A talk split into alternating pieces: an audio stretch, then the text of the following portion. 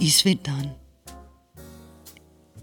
En decemberfølgetong i 24 afsnit. Oprindeligt udgivet på POV. Skrevet af Sandra Claus. Oplæst af Dorte Rømer. I redaktionen Jesper Grundvald. Teknik og redigering Jan Eriksen.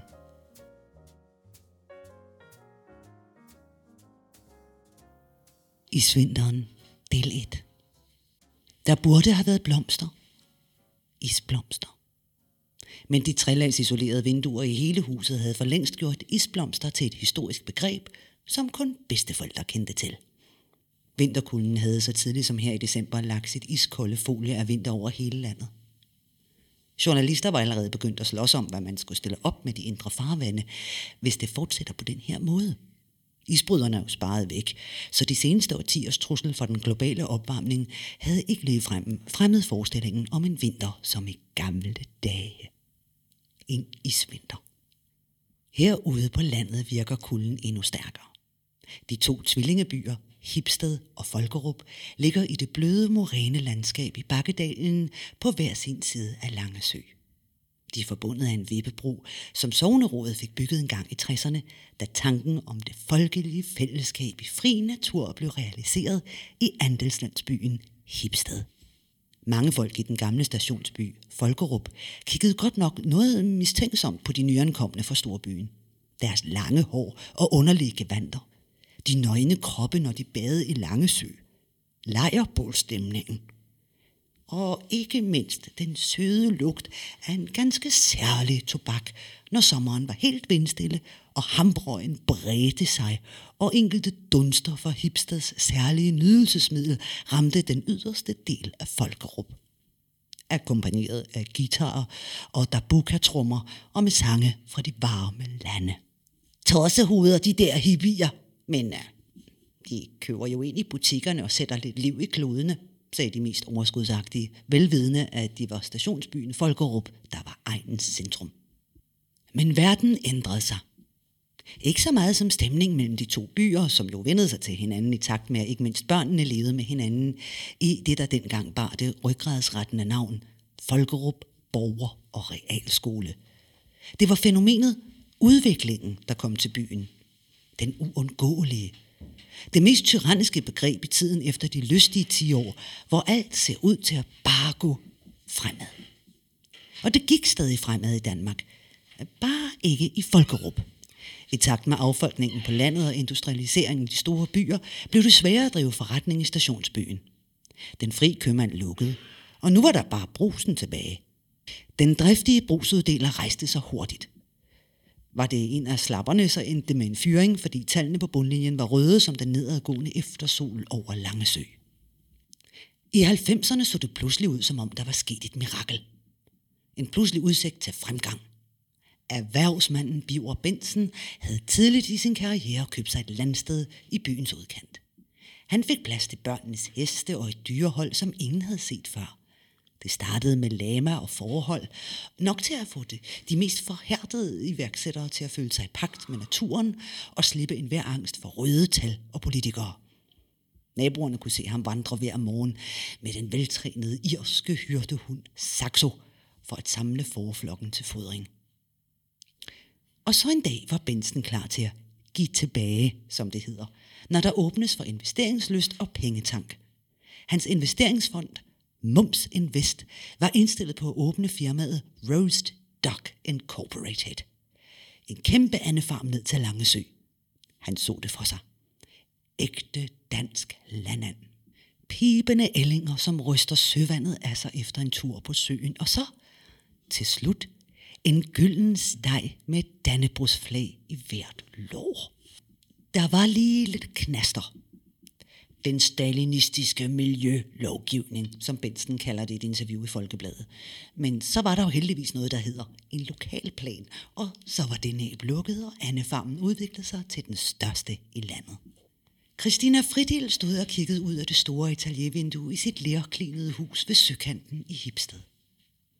Omkring hende stod små budager fra rejserne til Goa og kobaltblå og turkisfarvede krystaller – der sendte åndelig lindring ind i hendes bekymrede sjæl.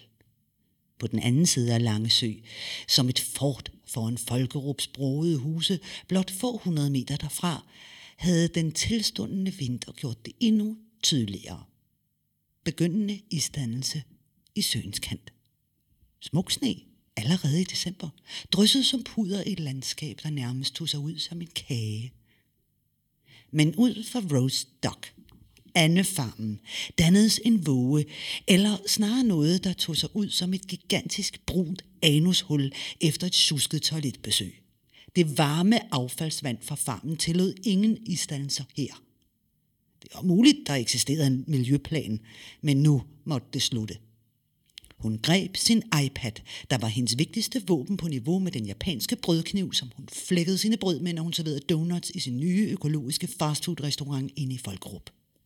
Hun gik på nettet og fandt den kampplads, som var hendes stærkeste. Debatten. Læserindlæg i Folkebladet. Hun kiggede op for sig. Som debattør vidste hun, at anslaget, overskriften, var den vigtigste i krigen om opmærksomhed – var det et smil på hendes læber? Hun tastede to ord, som skulle vise sig at antænde en bombe.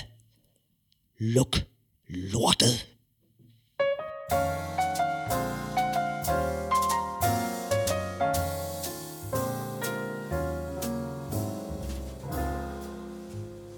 I svinteren, afsnit 2. Fladb Anne Gitte Tutborg strakte sig dovent i sengen. Hun lagde ryggen op mod masseovnens varme og kiggede ud på sine elskede høns. De var hvide og havde lidt usikre ben endnu. Gitte havde selv reddet dem fra burhønsefarmen på den anden side af Langesø. Hendes mor nynnede ude i køkkenafdelingen, mens hun sorterede mysli i små patentglas, og den varme kamillete dampede på komfuret. Gitte mus, kaldte hun, du skal op nu! Gitte rullede væk fra de varme uldtæpper og trak støvlerne på. Jeg kommer nu, mor. Jeg skal bare lige ud og tisse. Gittes lange flætninger daskede på ryggen, da hun i tre hop nåede ud til halmhusets muldtoilet. Det var den koldeste vinter, hun havde oplevet. Da hun sprang tilbage til det lune hus, så stod teen klar i et keramikgrus på det solide langbord af æbletræ fra hendes farmors have. Hvad er det? sagde hun forbløffet, da hun så Folkebladet ligge opslået på Christina Fiddels debatindlæg. Luk lortet? Det var ikke et sprogbrug, Gitte var vant til i den lokale avis. Faktisk slet ikke i andelslandsbyen. Det vildeste, hun havde hørt, var naboen, som havde råbt, Plastiksvin! efter Gittes mor, da hun en dag kom hjem med en plastikpose fra Folkerup Brus. Gitte trak avisen over til sig og læste koncentreret ordene. Hun løftede blikket og så hønsene gokke uden for vinduet.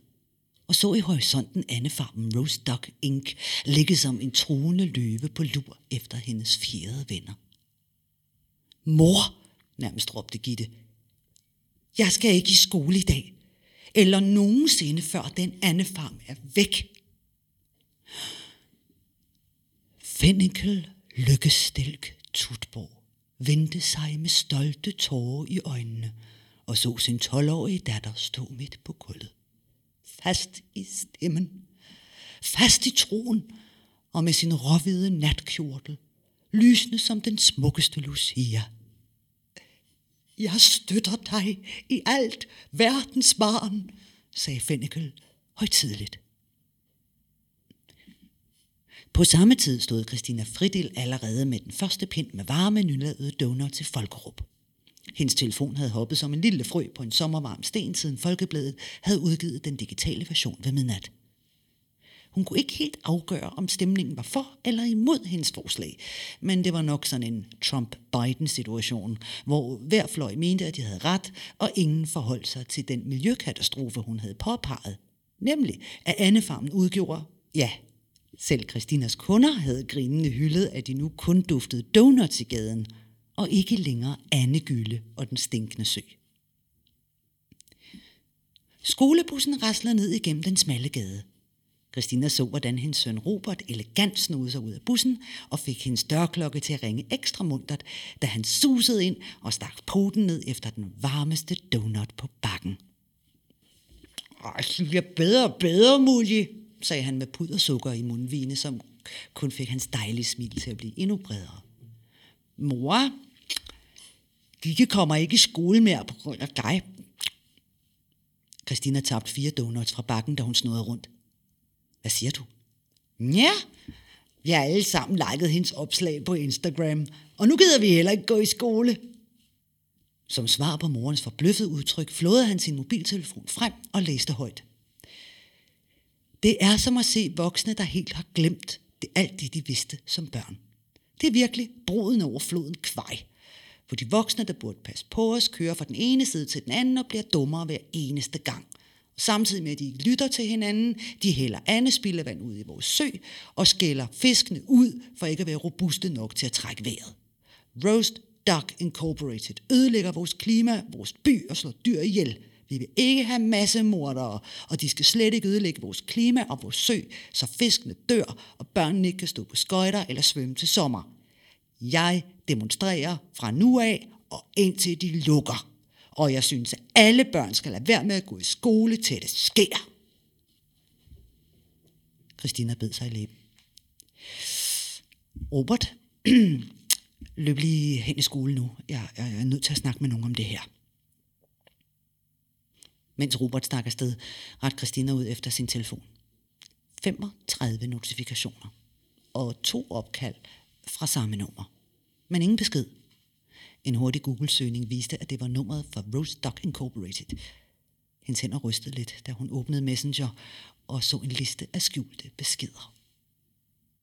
Et hurtigt kig afslørede de første ord af hver henvendelse. Ord som fladp Anne, gokket kæling, lange so. De gik igen.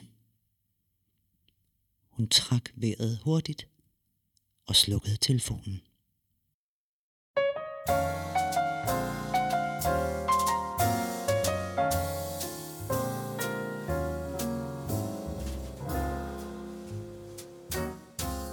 I Vinteren, afsnit 3. Fars pige gør oprør. Lortecykel! Der skulle da ikke nogen, der gider køre på et bunke jern ud kæde. Stemmen gjaller ud over bakken. Juliane Bensen retter sig op, som om hun har hørt et spøgelse. Hun taster med lynets hast. Du cykel, du lort, hvem gider ride dig, når det er gjort? Du har fuldstændig tabt din kæde, ingen gider dig. Ved, kvæde, sned, med endnu et raseri udbrud kyler hun telefonen ned i den frosne pløre. Hvorfor helvede insisterer hendes far på, at hun skal cykle ind til byen, når han kæfter op om sin nye bil? Ej, og det er koldt. Og hans raptekster vil ikke rime. Nede imellem to hestepærer lyser telefonen op som en irrigeret idé. Det er Luna, øh, som jo faktisk hellere vil hedde Inu, fordi det lyder mere eksotisk, og, og så ser det bedre ud på Instagram. Irriteret børster Juliane jorden af mobilen og svarer, Ja, hvad så? På Vestegns København viner Luna. Ah, det er helt! Vi fjerner! Og på Flow, ikke? Ikke på Stream! Og det er rigtigt. Folk råber i nyhederne. Der sidder fem alvorlige mennesker og diskuterer andedrift, mens breaking løber gult hen over skærmen. I hissigt tempo klippes der mellem beboere og biver Benson billeder af levende ænder, der snadrer og mennesker, der bider gyldne andelov med hvide papirmanchetter. Hvem gider klæde sin mad ud, før man spiser den, tænker Juliane kort. Uh, og skynder sig at skrive det ned på sin liste over idéer til raptekster. Luna endnu trykker begejstret foran skærmen, mens hun kaster sit lange hår tilbage over ryggen. Ej, de hyl! Din far er så pist, mand. Historien er den sand eller en anden. Fuck! I virkeligheden pibler sveden ned af bestyrelsesformand Biver Bensens ryg som andefedt en juleaften. Han trives bedst bag skrivebordet. Journalisten for tv-nyhederne agerer som om, han dækker nordisk fjerskandalen. Han hyperventilerer og stiger ind i kameraet, mens han laver oplægget med bøs stemme. Hvad bliver det næste tiltag mod forureningen i Folkerup? Heldragter og åndedrætsværn? Bjørn Benson smiler overbærende og læser op af bestyrelsens tekst. Vi foretager alle nødvendige hensyn og ikke yderligere kommentarer. Reaktionerne på nettet er der med det samme. Nå, nu er nu er tonen an og ledes, ikke? Hvor mange undskyldninger har Benson? Hver anden? Rose Dog Incorporated beskytter bryster og lår. Kurverne på børsen peger nedad, priserne på ind- og styrtdykker, og så en shitstorm oveni. Bjørn Bensen klapper irriteret computeren sammen lidt i otte, og må jo hente Juliane ud hos veninden. På vej ud af fabrikkens port ser han en enkelt lille, rødhåret, meget hissig dame stå med et skilt. Dræn sumpen. Kæden er hoppet af. Han klukker lidt over sammenfaldet og sin egen vidighed, da han ser Luna øh, i nu i neonfarvet heldragt, 80'er lørdagspalme og benvarmere, iført moonboots og ørevarmer. Nå, Jane Fonda, er du ikke blevet arresteret i dag? Datteren Juliane vrænger af ham og marcherer lige ind i bilen. Luna skubber cyklen frem med den løse kæde over til ham. Øh, altså, det er jo ligesom ikke mig, der er fjerneren, vel? Touché. Hvorfor vokser små, søde piger så hurtigt op og får deres egne meninger? På vej hjem sidder Juliane med korslagte arme og stiger ud af sideruden. Nå, øh, din nakke er i det mindste meget pæn, forsøger farmand sig. Fejl. Stor, stor fejl. Som en krysantemumbombe i hænderne på en teenage-dreng eksploderer 24 timers indestængt og hormonelt fadeoprør i hovedet på ham. På de syv minutter hjem igennem Folkerup fra Juliane ventileret alt fra lortecykelkæde til reaktionært røvhul, kun afbrudt af noget med en musikkarriere og Spotify, og at det fri gymnasium overhovedet ikke uddeler stoffer, før hun som finale banker sidedøren i på den blanke SUV op og i med et brag. Tilbage sidder Biver Bensen befippet, og ser sit 17-årige afkom trampe op til hovedbygningen. Han opgiver på forhånd at gå efter hende. Det er jo tid til den utålige Bimle Boblestottier live på YouTube om skadelige stoffer i agurkemasker, så Juliane er uden for menneskelig kontakt i hvert fald den næste halvanden time. Og samtidig smiler han lidt over hendes styrke og vilje til at gå sin egen vej. Hm. Nu går hun og overvejer at blive optaget på det fri gymnasium inde i København det gymnasium, som han i en ophedet radiodebat øh, kom til at kalde for en ruemaskine for socialister. Det føles som om det var i går, at han sad med nem idé og slås med forældre intra.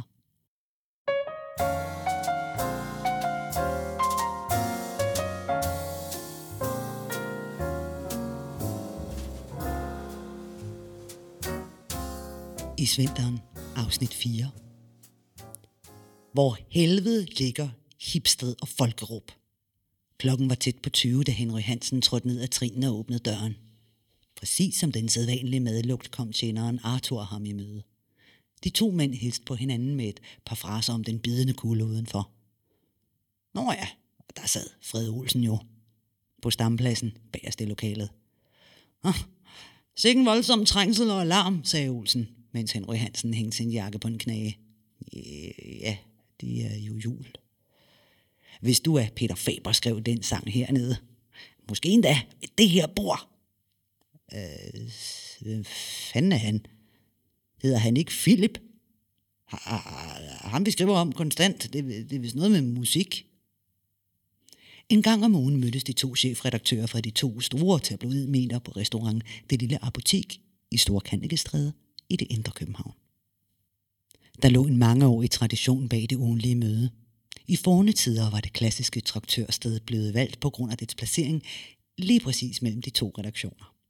Dengang havde to bude fra hver sin avis skridtet afstanden af, inden apoteket blev valgt. Det var ingenmandsland. Under disse ganske hyggelige former havde skiftende chefredaktører benyttet lejligheden til at drille og svine hinanden til. Sådan var det ikke længere. Ikke kun. I takt med den digitale udvikling var de to medier nærmest blevet afhængige af hinanden. I 2020 var alle nyhedsredaktioner tabloidet. De digitale, der udkom på gammeldags papir, dem i radioen og dem på tv. Indimellem kunne der forekomme mindre forskellige emnevalg. Hvad der engang havde været en stærk dominerende faktor i den danske mediebranche, de to tabloidaviser, udgjorde i dag en stadig mindre niche af annoncemarkedet, som det galt om at forsvare til sidste blodstråbe i kampen mod Google, Facebook, YouTube og andre. Og hvad har du så bedrevet i dag, gamle jas? spurgte Frede Olsen sin chefredaktør-kollega, inden han tog en slurk af sin øl. Åh, oh, det er så vanligt. En tur i presselogen, talt med diverse fagmedier, ved en tur i TV2 News, mennesker og medier og et eller andet program på Radio Loud. I alt er vel noget til 600 danskere i løbet af dagen. Nu overdriver du vist. Nå, lad os komme til sagen. Vores direktør ser jo gerne, at vi deler denne her så luk dog lortet sag fra Folkerup og Hipsted. Åh, oh, ja, den. Ja, den har sgu alt, du. Det ægte folkelige Danmark mod det kaffelatte-drikkende, radikale økovanvittige hipster Danmark. Vi taler produktion, arbejdspladser, jobskabelse, traditioner, danskhed, juleanden og goddammit mod bedrevidende, snærpet arrogant politisk korrekthed i hippie dress. Og dog shaming hedder det vist helte og skurke. Og så hende der øh, Instagrammeren Juliane Bensen med de... Stop dig selv. Væggene har ører. Meget kan du trods alt slippe afsted med i 2020, men ikke det. Med de rigtige økoholdninger, var jeg ved at sige. Men ja, det banker der ud af på begge sides, kan jeg se. Men hvor helvede ligger Folkerup og Hipsted? Aner det ikke. Altså, objektivt set er den svær at dele. Både dine og mine læsere, de holder med folket derovre i Folkerup. Det kan man se i kommentarsporene. Vi er per definition borgerligt liberale. Vi holder med ejeren af Rose Duck. Det tjener et højere formål, almenvældet. Stod det til jer, så skulle alle vel være på bistand og ryge has, ligesom de der flipper i hipsted. Ah, bullshit, mand. Nu stopper du lige dig selv igen. Ah, men du kommer jo fra det kulturradikale hus, ikke? Hipsted, det er sgu da lige jer. Ah, det var sjovt. Kultur også. Ikke engang vores regering interesserer sig for kultur. Og radikal findes der overhovedet længere. Men ved du hvad? I prøver desperat at vinde de der unge over hos jer. Ikke? Der er to unge, moderne, smarte hipstedheldinder i den her fortælling. Ikke? Christina og, og Instagrammeren Juliane. Altså stærke unge kvinder, der ved deres shit det er det rigtige hold at satse på, som verden ser ud lige nu. Ikke? Det er at satse på fremtiden. Den grønne satsning. Borgerlig, siger du. Husk, hvad der skete, da hende larm til USA, at nu skulle det der MeToo lige slappe lidt af. Ikke? En masse venstre kvinder gav hende tørt på. Det er desværre ikke lige så sort-hvid i vores dage som dengang, da vores forgængere regerede. På en måde, så giver det, du siger for en gang skyld mening. Men, Olsen, jeg tror, du bluffer. Jeg tror, I har en historie om hipsteddamerne på vej. Noget stort. En afsløring. En sviner. Noget med korruption. De er betalt af Rose Dogs konkurrent. Eller, eller hvad, hvad, hvad, hvad, hvad, hvad med? Flette lukker Rose Dog. Henry Hansen så bestyret på sin kollega. Var Fred Olsen ved at tørre røven på ham med et godt gammeldags skub? Men før han nåede at sige mere, så blev han afbrudt af sin telefon. Efter en kort samtale henvendte han sig igen til Fred Olsen. Det var direktøren. Han zoomer lige sammen med din direktør. Spørger, hvad vi har besluttet. Hipsted eller Folkerup? Vi er på sidste punkt på deres dagsorden. Ah, pis. Skal vi ikke bare gøre, som vi plejer? Og jo, sagde Henry Hansen og vendte sig. Hey Arthur, må vi få raflebæret?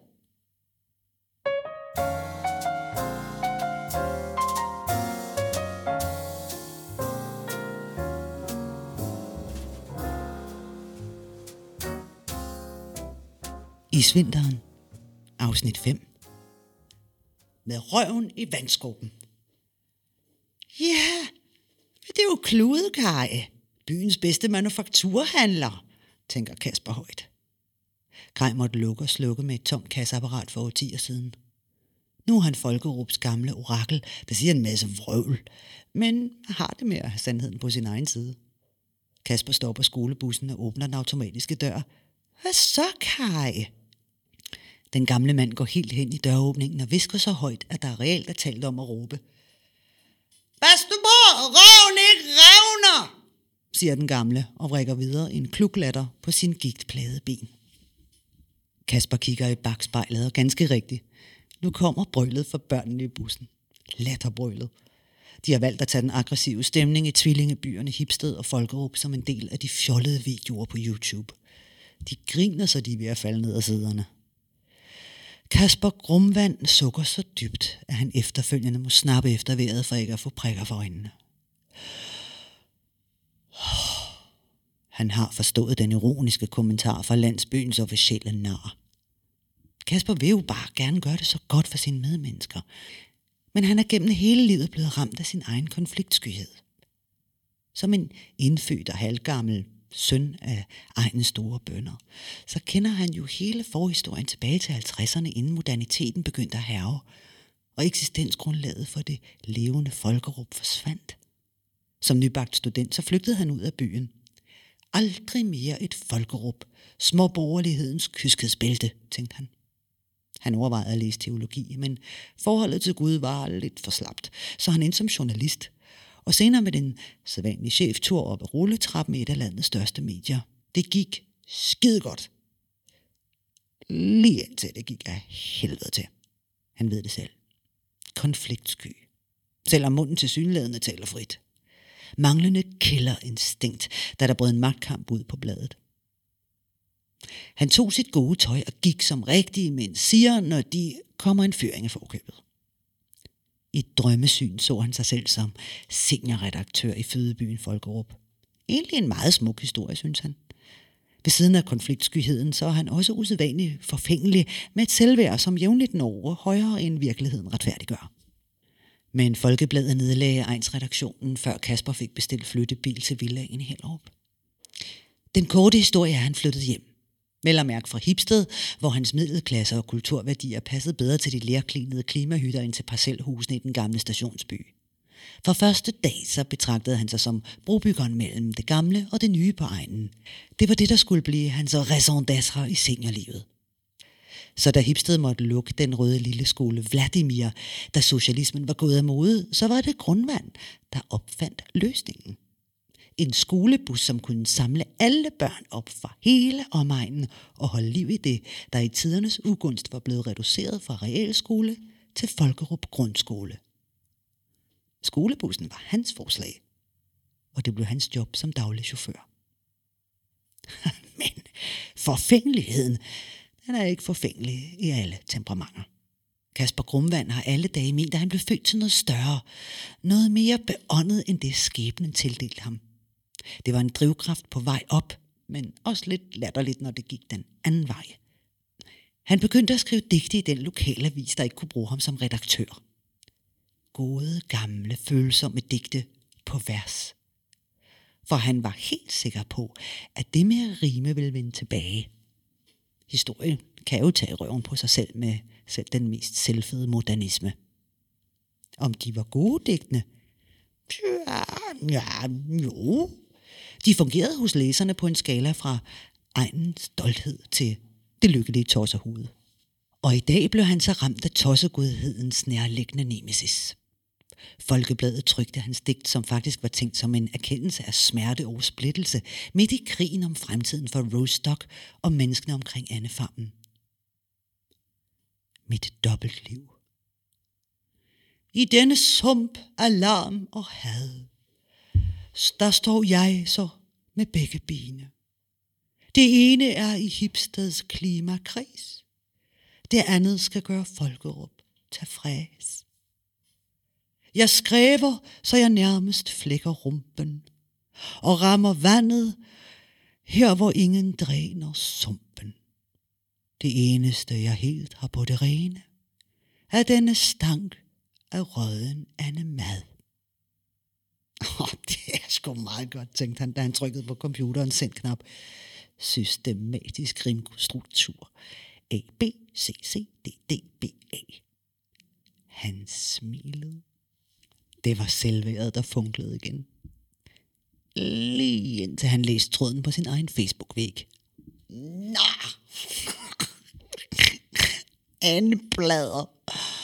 Og nu også Klude Kajs hånlige bemærkning om den revnede røv. Skreveriets og konfliktskyhedens yderste konsekvens. Jeg vil jo for helvede bare have dem til at leve sammen, tænker han, da skolebussen rumler ind af den uasfalterede del af Hipsted.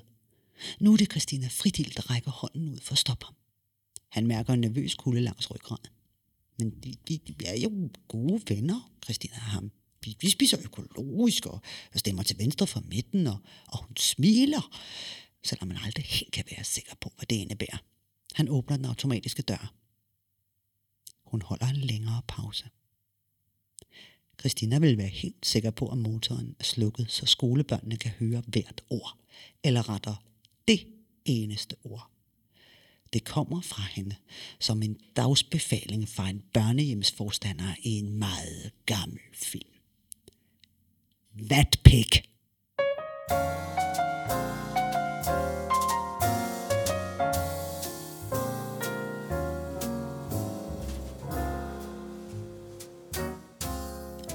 I Svinteren, afsnit 6. Storkapitanens livredder. Bestyrelsesmedlemmer ankom til møde sådan lidt pø og pø, som Biver Bensen, formanden selv udtrykte. Vel er han en landskendt erhvervsmand, der fulgte tidens principper om core business, change management, followers, corporate social responsibility, corporate branding og ja, corporate hvad som helst. Uden at kende det stammesprog, så bliver man ganske enkelt ikke taget alvorligt i erhvervslivet. Men inderst inde var Benson også et meget forfængeligt menneske, der ikke ville slås i hardcore med masserne. I sine unge dage så drømte han om at blive skuespiller. Faktisk dumpede han med et brag til optagelsesprøven til elevskolen i en scene fra Molières Den indbildt syge. Overspillet, sagde en af censorerne. Herr Agans sygdom er jo indbildt. Han er ikke døende. Hånlig latter. Den unge Benson var tvunget til at grine med. og blev aldrig skuespiller. Men sproget, det franske, brugte han stadig og fik således bestyrelsesmedlemmer i Rostock Incorporated til at ankomme lidt efter lidt. Det ekstraordinære bestyrelsesmøde blev afholdt på hans store landejendom, som lå bekvemt vest for Annefarmen. I et land med overvejende vestenvind, så sikrede det ham oftest mod dunsterne fra hans egen virksomhed. Det var soleklart, at på fabrikken skulle det ikke foregå, for i de sidste dage var der løbende demonstrationer mod andeproduktionen taget til, stimuleret af børnenes skulkeri og opmærksomheden for landsmedierne. Og som sagt, peu à peu, for ikke at stimulere rygtedannelsen. Velkommen, sagde han til mødedeltagerne. Otte mænd og en kvinde. Hun var bestyrelsens sekretær, og så også Rose Stock. De fulgte traditionen fra erhvervslivet i almindelighed og landbrugssektoren i særdeleshed. Topledelse gøres bedst med maksimal tilsætning af mandlig kønshormon. Bjørn Benson gennemgik køligt den alvorlige situation. Virksomheden var ganske uretfærdigt kommet i dobbeltdel mellem deltagerne i den aktuelle konflikt mellem Hipsted og Folkerup. Og så den almindelige intimidering af storlandbruget. Indkøbskæderne var begyndt at tvivle på, om de ville købe ind hos Rostock. Og priserne falder dag for dag. Han åbnede sit PowerPoint-show med de ubehagelige røde tal. Prisindekset var nede på 38. Lige om lidt så ville markedet give mere end en tredjedel for en nyslagtet and. Det var jo absurd, og det gjorde hele farmen til en underskudsforretning på det, et selvdestruerende niveau. Så lød formanden bestyrelsen tale. Han kendte principperne for ledelse i krisetider. Du lader de enkelte tale sig varme. Lidt overophedet måske. Og så kommer du med det løsningsforslag, du allerede har planlagt. Du optræder som symbiosen af frelser og diktator, og det virker hver gang. Han rejste sig og gik hen mod vinduet. Det, der skulle foregå, evnede han, som kun de færreste gør det. Han udviste ikke blot situationsbestemt ledelse, men selviscenesættelse med dramaturgisk præcision. Hans rolleregister var stort. Den ene dag kunne han optræde som paneldeltager i et eller andet familieprogram, hvor kvinderne elskede ham for de fordragelige Den næste kunne han være forsidetyr på et af de her moderne herremagasiner, der kæmper for at se selv den mest kyniske erhvervsmand som en rockstjerne. Billedet tog Kejler. Benson i læderbukser foran den Harley Davidson Street Glide, som han ikke ejede. Så nu var han også elsket af mænd i alle aldre. Han øvede sig for tiden også som kristen korsfarer mod de muslimske horder. Nu elskede de nationalkonservative ham også. Og nu tændte han så for alfaderen. Mine herrer, jeg har en plan. Den replik lå bare som mundret i Bensens mund. Han redegjorde det for de økonomiske kendskærninger, eller redsler var jo egentlig det rette udtryk for Rose Dogs øjeblikkelige situation. Priserne på frislagtede juleænder var katastrofedykket. Veganerne, økosocialister og ikke mindst pressen har svinet det her gennemdanske produkt til en sådan grad, at der måtte handles. Bensen gik direkte til sagen. Den kinesiske kapitalinvestor Chu Bandit har tilbudt at købe 49 procent af andefarmen.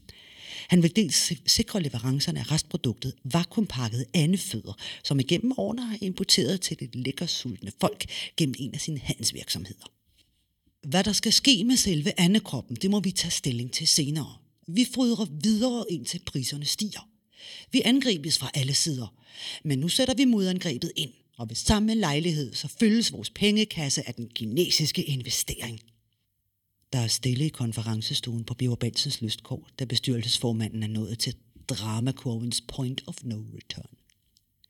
Helt stille mens formanden har rejst sig og står og skuer som en gusserejer gennem panoramavinduerne ud over sine ære og indkørsel med det hvide grus alene op mod hovedbygningen. Nu ser han en skikkelse og klemmer øjnene sammen for at fokusere. En slank person som ham selv. En ung pige. Hans datter Juliane går målbevidst og trodsigt. Hendes vagt ved demonstrationen er slut for i dag, men hun kommer tilbage. Det lover hun. Så ser hun faren bag vinduet. Han er forstenet. Hun er kold. Og nu vender hun skiltet mod ham med budskabet, der ligner noget, der er malet i blod på en revolutionær hvidkalket væg. Anne morter!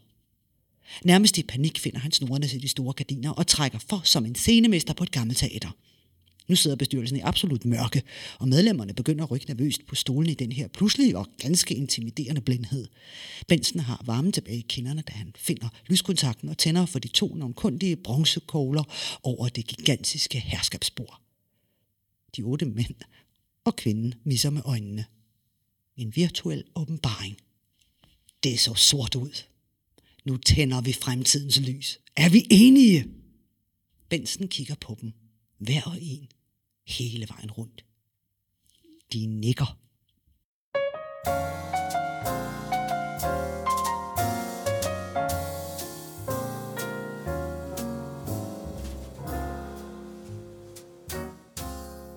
Isvinteren, afsnit 7. Den sødmefyldte vrede. Hvem er du, John Jensen? Han smiler en smule overbærende af og til sig selv i spejlet. Det er efterhånden en del år siden, at han reagerede på sit eget dåbsnavn. Husker endnu vendepunktet i sit liv, da han besluttede at krænge sig ud af den småborgerlige identitet. Bagerst i spejlbilledet ligger det hele allerede klart til næste seance. Den sorte og røde kjole med tynde snøre og ganske fint læder. De kildrende kvaster i shocking pink og de stramme trusser, hvis primære formål er at skjule hans køn. Munden smiler stadig i spejlet.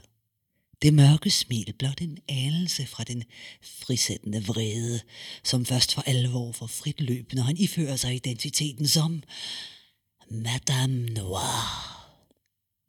Dominaen hersker inden herude på landet, hvor alle kender alle, men hvor nattens gæster kommer langvejs fra og kan være i fred i Sweet Duckling. Swingerklubben i det nedlagte jernbanehotel i Folkerup. Det er mere end 30 år siden, han tog skridtet til at forandre sit liv. Han havde haft sin vaklende gang på lægestudiet siden oprørsdagen i 1968. Det førte ingen vegne. Efter 20 år på universitetet var han indtrådt i rækken af evighedsstudenter. Hver gang han fordybede sig, krævede studiet, at han slap og kom videre, begav sig ind i et nyt studie af den menneskelige krop og dens sygdomme. I 1988 fortabte han sig i studiet af binyrerne. De små Napoleons hatformede vækster på det organ, der renser vores blod. Han var særlig optaget af binyrernes produktion af noradrenalin. Fight or flight kamphormonet, som det også blev kaldt i populær tale. Som selverkendt svikling drømte han om at have noget mere af det. Det var numerologien, læren om vibrationerne i hvert bogstav i dit navn, som gav ham det sidste spark. John Jensen. John. Navnet står numerologisk for følelsesmæssig ubalance, en ophobning af følelser og vrede. Og Jensen. Følelsen af, at den hjælp, du modtager, er nytteløs. Erkendelsen kom til ham som et skud noradrenalin. Han ville ud af den kvælende melankoli og rejse ind i den ægte vrede. Han skrev brevet med sit farvel til studiet og gik i gang med at ændre sit navn. Den første indskydelse var at skabe en forbindelse til hans historiske held. Den lille korsikaner, Napoleon, soldaten, herføreren, kejseren. Måske skulle han nu hedde Josef, med hilsen til kejserens store kærlighed, Josefine. Men den løsning gik slet ikke. Øh, ikke med PH, totalt tabernavn. Så, så han prøvede med Josef. Det var for vildt. Med det fortryllede F ville han pludselig være i balance med sig selv og de mange, der ville støtte ham. Og så tog han det vilde skridt og modellerede lidt om på kejserens navn. Josef, den er parte. Han var så genglad for det nye efternavn, at han, han aldrig helt fik tjekket vibrationerne. Tiltrækker personer, som viser sig upålidelige. Men ah, det var også lige meget, for han var allerede på vej ud af nomologien og ind i andre veje i terapiens forunderlige labyrint. Da Josef den aparte sprang ud som fri kriger i sit eget liv, så fandt han hurtigt ud af, at han også måtte flytte sig fysisk. Han læste information om alternativ behandling og om andelslandsbyen Hipsted. Med skjult økonomisk støtte fra en stefar, der var ved at blive vanvittig af Josefs meritter og evindelige weekendbesøg i villaen i Hellerup, så lykkedes det ham at erhverve sig et af klimahusene i Hipsted. Med tag af strå, fundament af stampet ler og vægge af mudder, halm og kolort, i pagt med naturen og en ansvarlig fremtid. Men det fedeste af alt var dog, at her i byen boede mennesker, der både var kloge og veluddannede, og samtidig tilpas tosset til, at man ikke stak ud for mængden, når man selv var lidt sær. I de kommende år så opbyggede han en spinkel forretning i terapiformer, som han skiftede ud, når han tabte interessen. Der var kunder i Hipsted og kunder fra hovedstaden. Ikke mindst til hans nye hjemmedesignede terapiform, som han kaldte panikalterapi. Det var binyrerne og noradrenalinen, der spøgte igen. Kamphormonet. Han var overbevist om, at pludselig vrede og harmonibrud var den vej ud af tiltagende krammementalitet og kvælende tryghed i det moderne samfund. Ballade skaber energi, forskrækkelse styrker blodomløbet. Så det var ikke tilfældigt, at det som naboerne havde hørt igennem de sidste måneder, når Josef den aparte havde klienter på besøg bag de klinede mure. Man kunne se silhuetten af den forsølvede Napoleonshat, som han altid bar under de særlige seancer. Hans æresfølelse for den navnkundige krigsherre, for hvem krig og ballade var lidt af en kærlighedserklæring til livet. Men råbende, Bøh! Råbte han igen og igen under sin og klædtens gemmeleg rundt om i huset, for skrækkelsen og balladens vej til forløsning. Men der kom ikke nogen klienter fra Folkerup. Det var Josefs selvvalgte fritidsrolle som Madame Noir, hersker inden i swingerklubben i byen på den anden side af Langesø, der understøttede hans eneste indkomst i den gamle by ved Annefarmen. Madame Noir gav trængende mænd smæk for skillingerne. Og sådan fik Josef den aparte forløst sin egen vrede. Han glædede sig allerede til den næste mørke aften den 19. december. Den vil blive noget særligt, sagde hans fornemmelse ham. Krigen mod Annefarmen og dens forurening vil frisætte hans aggressioner som aldrig før.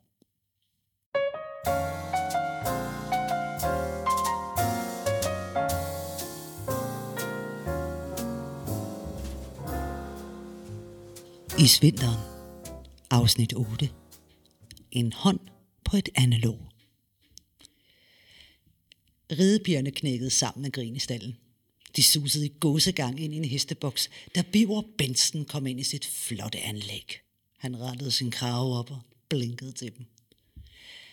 De stramme ridebukser afslørede deres perfekt formede ægte Kardashian-numser, og flistrøjerne smøs om de flotte, smarte unge bryster, der ikke hoppede, men kun duvede stolt, når de havde klemt inderlårene rundt om de store, varme hængste. God aften, smukke damer, strubespandt han som en handløve. Han greb elegant en høtyv og drejede lige ind i sin kone. Suspensen gav den store erhvervsmand elevatorblikket af udbrud. Hvad er du blevet rullet i fjer og tjære af demonstranterne? Først der opdagede Biver Benson, at hans ridestøvler var smurt ind i mudder og små andefjer. Han smed irriteret høtyven og gik tilbage med faste lange skridt op mod hovedhuset.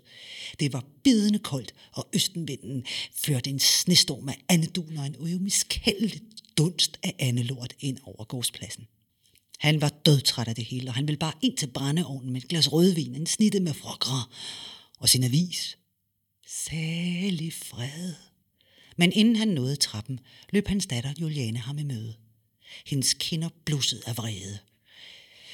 Åh, den skide frelste Robert Fridil knægt, som han tænker, når hans egne tanker var absolut tolvfri.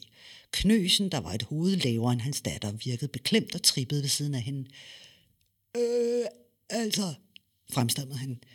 Jeg, jeg øh, har fulgt Juliane hjem, fordi... Øh, øh. Nå, tak for det. Nu er hun hjemme, og så kan du godt cykle hjem igen, skar Biver ham af. Han holdt irriteret døren og slog med hovedet. Kom ind, varmen fisser ud.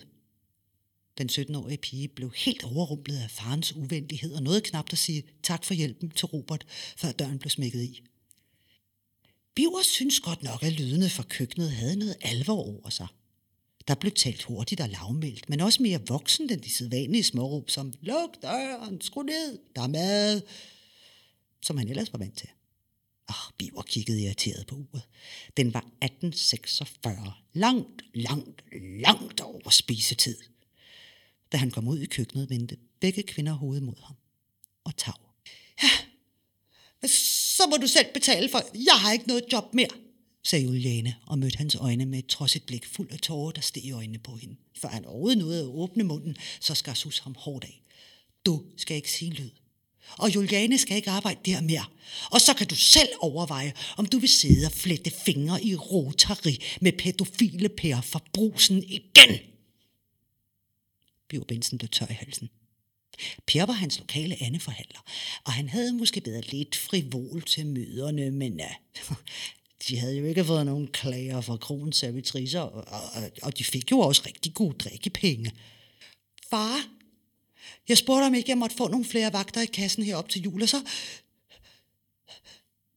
Hun tog tilløb som sin hest, når den skulle til at hoppe over en ny forhindring. Og, og så sagde han, at han skulle have noget for det, og så slikkede han sig om munden, og så... Ej, jeg tror du ikke, at du har misforstået noget, glattede Biver ud. Det var jo nok bare for sjov. Så du forsvarer ham, råbte Juliane. Han sagde det, mens han stod med sin diller i hånden. Spurgte du ham ude på herretoilettet? Biver var forbløffet over sin datter. Sus foldede servietterne i slow motion og sagde med en ildevarslende stemme. Juleskat, vil du gå op på dit værelse? Jeg skal lige tale med far. Bjørbensen sank. Sådan havde han ikke oplevet Sus, siden hun havde rejst sig op på Rostocks årlige møder og talt om de polske arbejders indkvartering. Det her vil blive dyrt. Din datter fortæller dig, at hendes chef, din ven, står med sin klamme urin med dister i hånden og kræver, at hun blæser i alkometeret for at få lidt flere timer, for at hun kan købe en skide julegave til dig. Suses pegefinger fik fuld touché i faderhjertet, da hun prikkede ham. Og i stedet for at lytte og støtte hende, så vælger du edderbrændt spark med at victim blame din egen datter. Ikke de ord. Han havde brugt det meste af et helt år på at læse og høre og se og orientere og dokumentere og forhandle og forholde sig til alt det bagl. Hvorfor skal det hele udtales på engelsk og være så, så, så woke i 2020? Men så tonede der sig et billede frem af Brugsper. Hans lille krop i den billige syntetiske skjorte, der fik ham til at stinke af sved, forsøgte dæmpet af en tør, billig deodorant for rækken af sekundamærker med sølvgrå klistermærker med tester. Alene tanken om Brugs Pers blottede underliv og hans unge datters perfekte ting i sammensætning fik det til at vende sig i maven på ham. Sus fortsatte.